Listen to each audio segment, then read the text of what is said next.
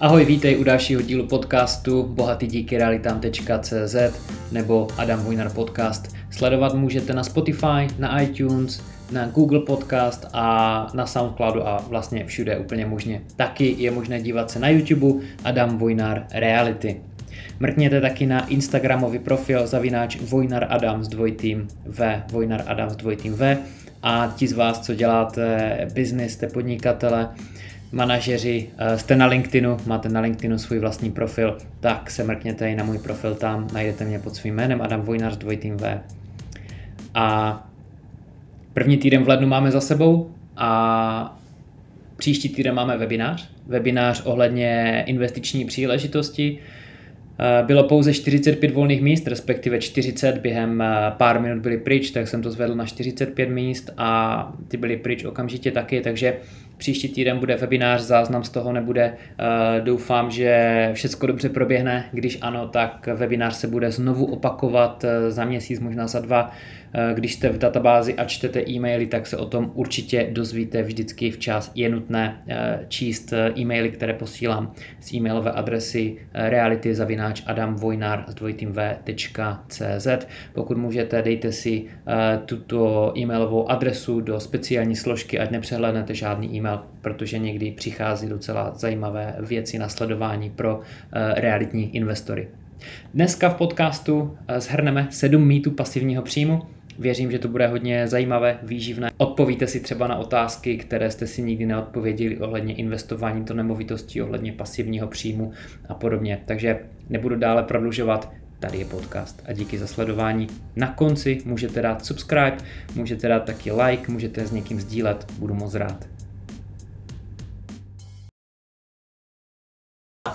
sedm pravd a mýtů o pasivním příjmu. To je to, proč jste tady.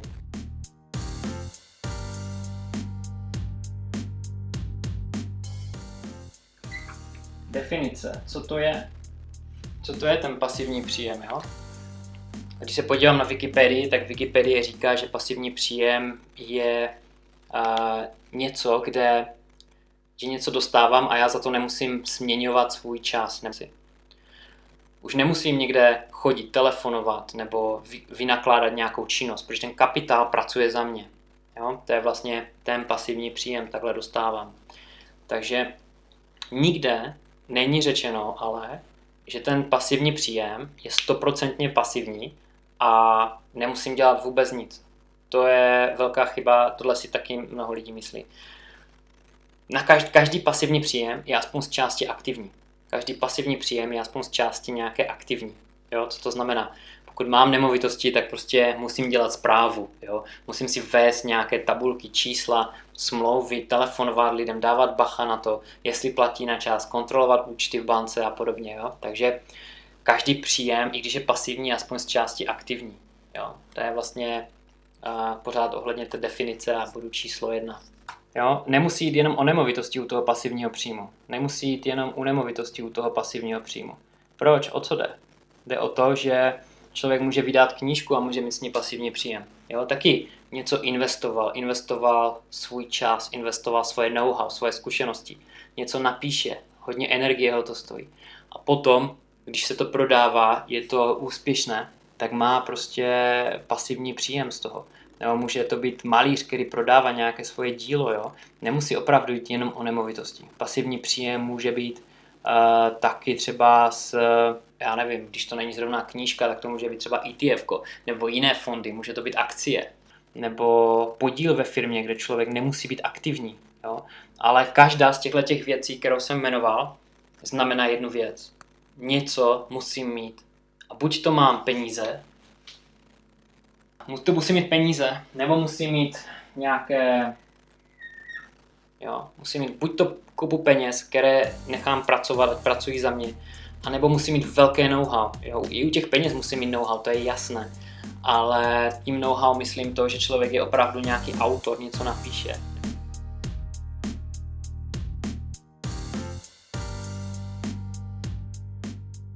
A bodem číslo dva je, co budeš dělat? Co s časem? Co když najednou se ti všechno podaří?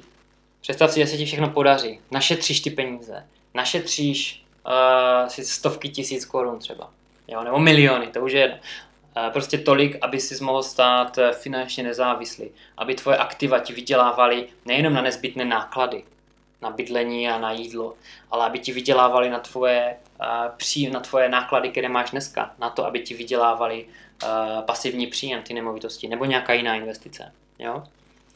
Co když se ti to všechno podaří a najednou pracuješ hodinu, dvě, tři týdně nebo měsíčně, nedej bože, jo? co chceš dělat? Chceš cestovat?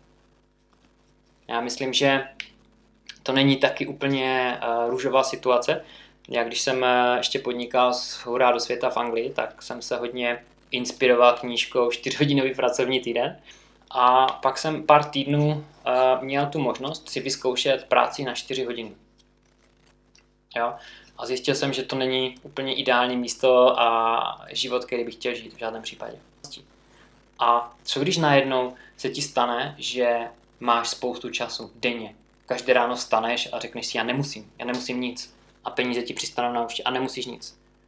Jo? Tohle je otázka, která je, řekl bych, morálně filozofická až, že potom člověk začne přemýšlet o smyslu života. Jo? Vlastně proč tu jsem, co, co vlastně je mým účelem, jo? dávám bydlení lidem, to mě má jako naplnit, to je všecko dobrou uh, nějakou připomínku od někoho na Instagramu, kdo mi psal, to je člověk, který vím, že tohle docílil taky tohle pasivního příjmu v téhle výši a říká, tohle prostě nevysvětlíš nikomu. A hlavně, i kdyby to někdo pochopil, tak to nejde nastavit, si tohle vyřešit dopředu, když to člověk nemá, není v té situaci, s čímž úplně souhlasím.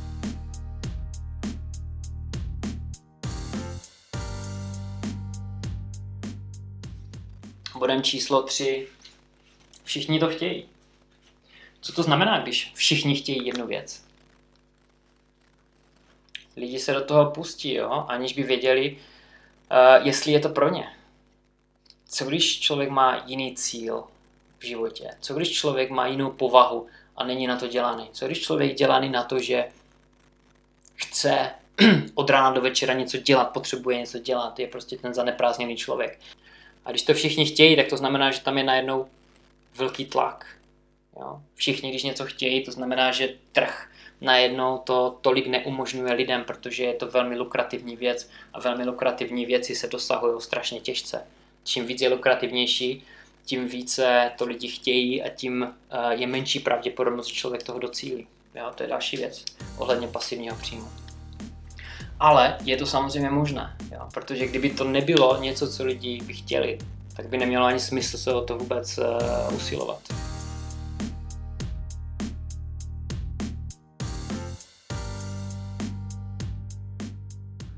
Prostředí. Proč prostředí? Co má prostředí, co dělat s pasivním příjmem? Jo? Tlak okolí, strach, negativita. Jo? Od lidí z okolí. Proč to chceš dělat, pasivní příjem? Teď pro boha na to nemáš. Tak jak jsem si já myslel v Británii kdysi, obyčejný člověk tam někde z České republiky, nemůžu nikdy nic koupit, žádnou nemovitost, vytruci si to z hlavy. Jo, to jsem si říkal já sám před sebou, to mi ještě nemusel nikdo další říkat tady tyhle věci a člověka to značně ovlivní tady tahle věc. A tím pádem se taky stane to, že málo kdo docílí na to, aby měl nějaký pasivní příjem v nějaké rozumné výši. Co rozumím rozumnou výši? Rozumná výše je taková, aby to pokrylo aspoň nějaký předem určený cíl, to znamená, si řeknu, že chci, abych pasivním příjmem vydělal 10 000 korun, tak na těch 10 000 korun většina investorů, co mají nemovitosti, vůbec nedošáhne. Jo, vůbec. Jo, prostě takhle je. Je to těžké, musí do toho hodně dát a hlavně nemají cíl. Jo, to, to jsem mluvil na začátku. A když někomu může třeba pasivní příjem přinášet 30, 40, 50 tisíc měsíčně, ale on chce 100.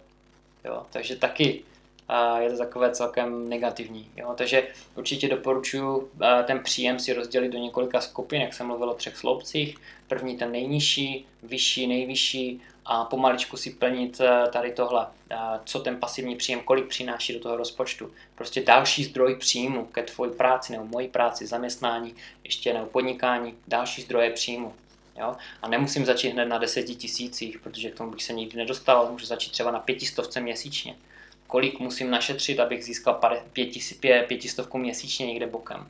A pomaličku jít dál a šetřit a začít investovat a tady na tomhle stavět.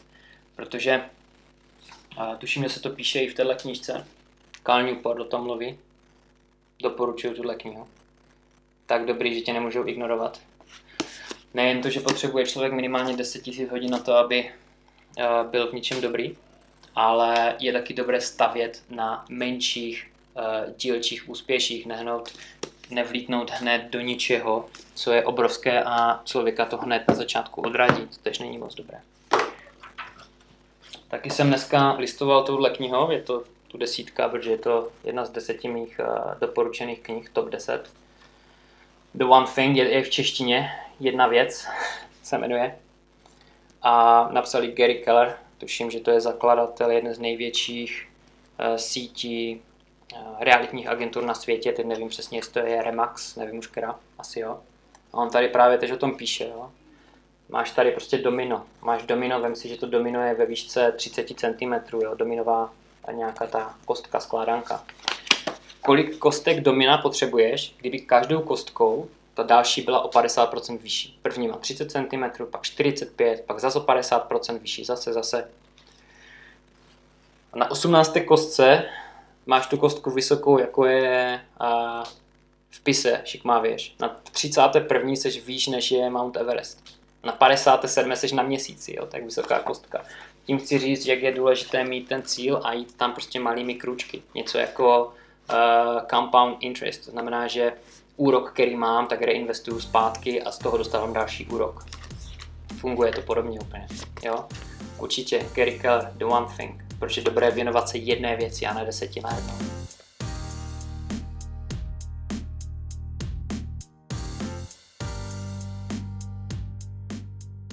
Pětka. Musí to být vždycky nemovitosti, pasivním příjmu, musí být vždycky nemovitosti, musím vždycky mít 200, 300, 400 tisíc korun na to, abych získal pár tisíc měsíčně pasivního příjmu a koupit nemovitost? Nemusí. Uh, hurá do světa, tam v tom biznise, když jsem mu zakládal, mi nepatřila žádná nemovitost. A byl to prostě pěkně z finančního hlediska udržitelný biznis.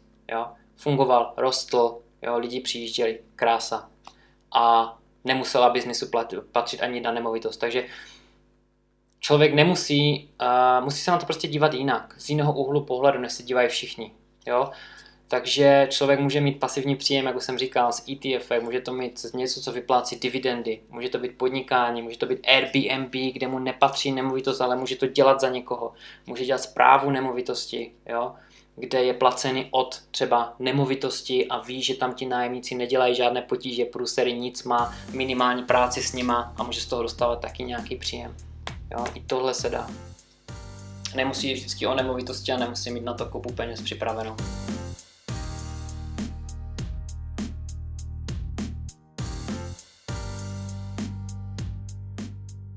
Kázeň. Ono je to spíš sebekázeň. Jo, je to spíš sebekázeň, jo. Prostě dojít k pasivnímu příjmu uh, vyžaduje něco. Vyžaduje to úsilí, vyžaduje to finance, vyžaduje to čas, vyžaduje to energii. Já jsem šetřil dva roky přibližně plus minus na svoji první nemovitost a odkládal jsem 60-70% ze svých příjmů měsíčně. Jo? Než jsem byl schopný vydělat nějaké peníze, asi nějaké tři čtvrtě milionu a mohl jsem je investovat do nemovitostí která potom nesla slušný peníz. Jo. A je to o sebe kázní. Jo. Člověk musí být zaměřený na jednu věc a trvá to fakt někdy roky, než tomu docílí. Proto říkám, že člověk by měl začít v malém. Proč ne? Proč nezačít s pětistovkou měsíčně? Proč nezačít eh, s napsaným e-bookem? Třeba. Jo? To mě napadlo jako jedna věc. Jsi něčem dobrý, začni v tom nebo si otevři malý biznis, nebo poradenství, nebo něco. Prostě malé peníze, když přijdou mimo tvoji výplatu nebo mimo tvoje podnikání, navíc ještě bokem, jako při výdělek, tak seš na dobré cestě. Jo? Ale chce to tu sebe kázeň. A čím dříve člověk vidí nějaké výsledky, nějaké, minimální, tak ví, že může jít dál, může jít dál, může jít z pětistovky na tisíc, na dva, na pět, na deset a tak dále. Jo? Ale nemít hned ten obrovský cíl na začátku, to moc úplně nefunguje. Jo, takže tam je u toho, u té sebekázně prostě bod číslo jedna, to je šetření. Bod číslo dva, expertíza. Takže buď peníze, nebo člověk musí být v něčem dobrý. Bod číslo tři, tvorba produktu. Jo? Pokud chceš podnikat a nejsi eh, v něčem nějaký super expert, jo? třeba nějaký umělec nebo sportovec, nemáš ani kupu peněz, tak prostě musíš vytvořit nějaký produkt, který uh, budeš prodávat a nějakou dobu nevydělává nic, než všechno nastavíš na to, aby vůbec začal vydělávat.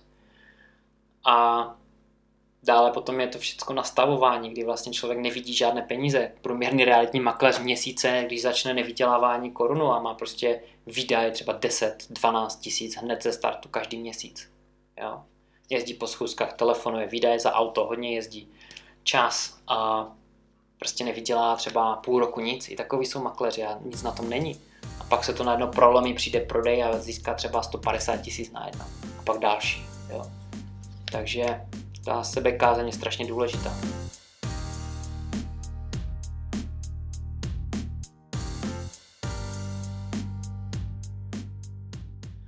Sedmička. Adaptace. Nebo spíše možná změna, bych řekl. Životní situace se mění.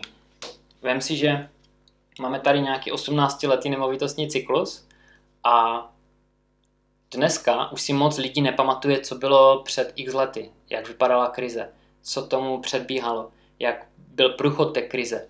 A teď si vem, že děláš jednu věc, třeba děláš s nemovitostma, jsi třeba realitní makléř, jo, nebo finanční poradce, to je jedno, můžeš třeba být ajťák, jo, a věnuješ se opravdu tak dlouho jedné věci, aby si v ní byl tak dobrý, abys to dělal furt dál a dál, aby si s co nejnižším úsilím získal víc a víc? Jo? Taková prostě je teorie. A lidi mění svoji profesi. Na tom nic není, ale je s tím třeba počítat. Jo? Takže já to vidím u těch investic, že jak byl nějaký, je, je prostě ekonomický cyklus, eh, nemovitostní cyklus. 9 z 10 biznisů do 10 let zavře svoje brány. Záleží na jaké statistiky koukáš. 9 z 10. Teď si vem, kolik lidí v tom biznise se stane takovými experty, aby si tyhle cykly pamatovali a zažili je v tom jejich dané, v té jejich dané profesi a v tom biznise. Strašně nízké množství. Jo? Takže proto říkám, že ta změna je obrovská jo? v tom lidském životě, že se věci mění. Když jsem dělal v bance, a začíná investovat to, to, to, potom jde dál, začne zakládat rodinu, tam je pro tu banku nejlepší, tam potřebuje větší dům, zvětšuje, potřebuje pojistku na děti, na sebe, protože už je víc odpovědný, jo? už má víc peněz, víc vydělává, jo? v té profesi postoupil za těch 10 roků, potom je 40, děti pomalu a začínají u některých lidí odcházet z domu, jo? takže zase začíná zmenšovat nemovitost, prodávají, zase pojistky změní, zase se na to všechno jinak nahlíží a tak. Takže tím chci říct, že člověk má ten život v nějakých dekádách, které se pořád mění. To je prostě ta změna. Jo? Když se člověk do něčeho pustí, tak je velká šance, že za pár let bude dělat něco jiného. A to je ten problém. Já dělám nemovitosti od roku 2009 a to jsem x roku předtím už na vlastní kůži, když jsem scháněl svoje vlastní bydlení, 13 nebo 10 vyměnil a poznával jsem takhle trh jo, ze strany toho zákazníka. Pak jsem založil firmu. Jo, takže je dobré se fakt něčemu věnovat dlouhodobě a pak se v tom člověk stane profík a začne to platit zpátky ty dividendy. Jo, jsme u těch dividend. Je taková investice. Výborně. Tak, tohle bylo sedm pravd a mýtů o pasivním příjmu.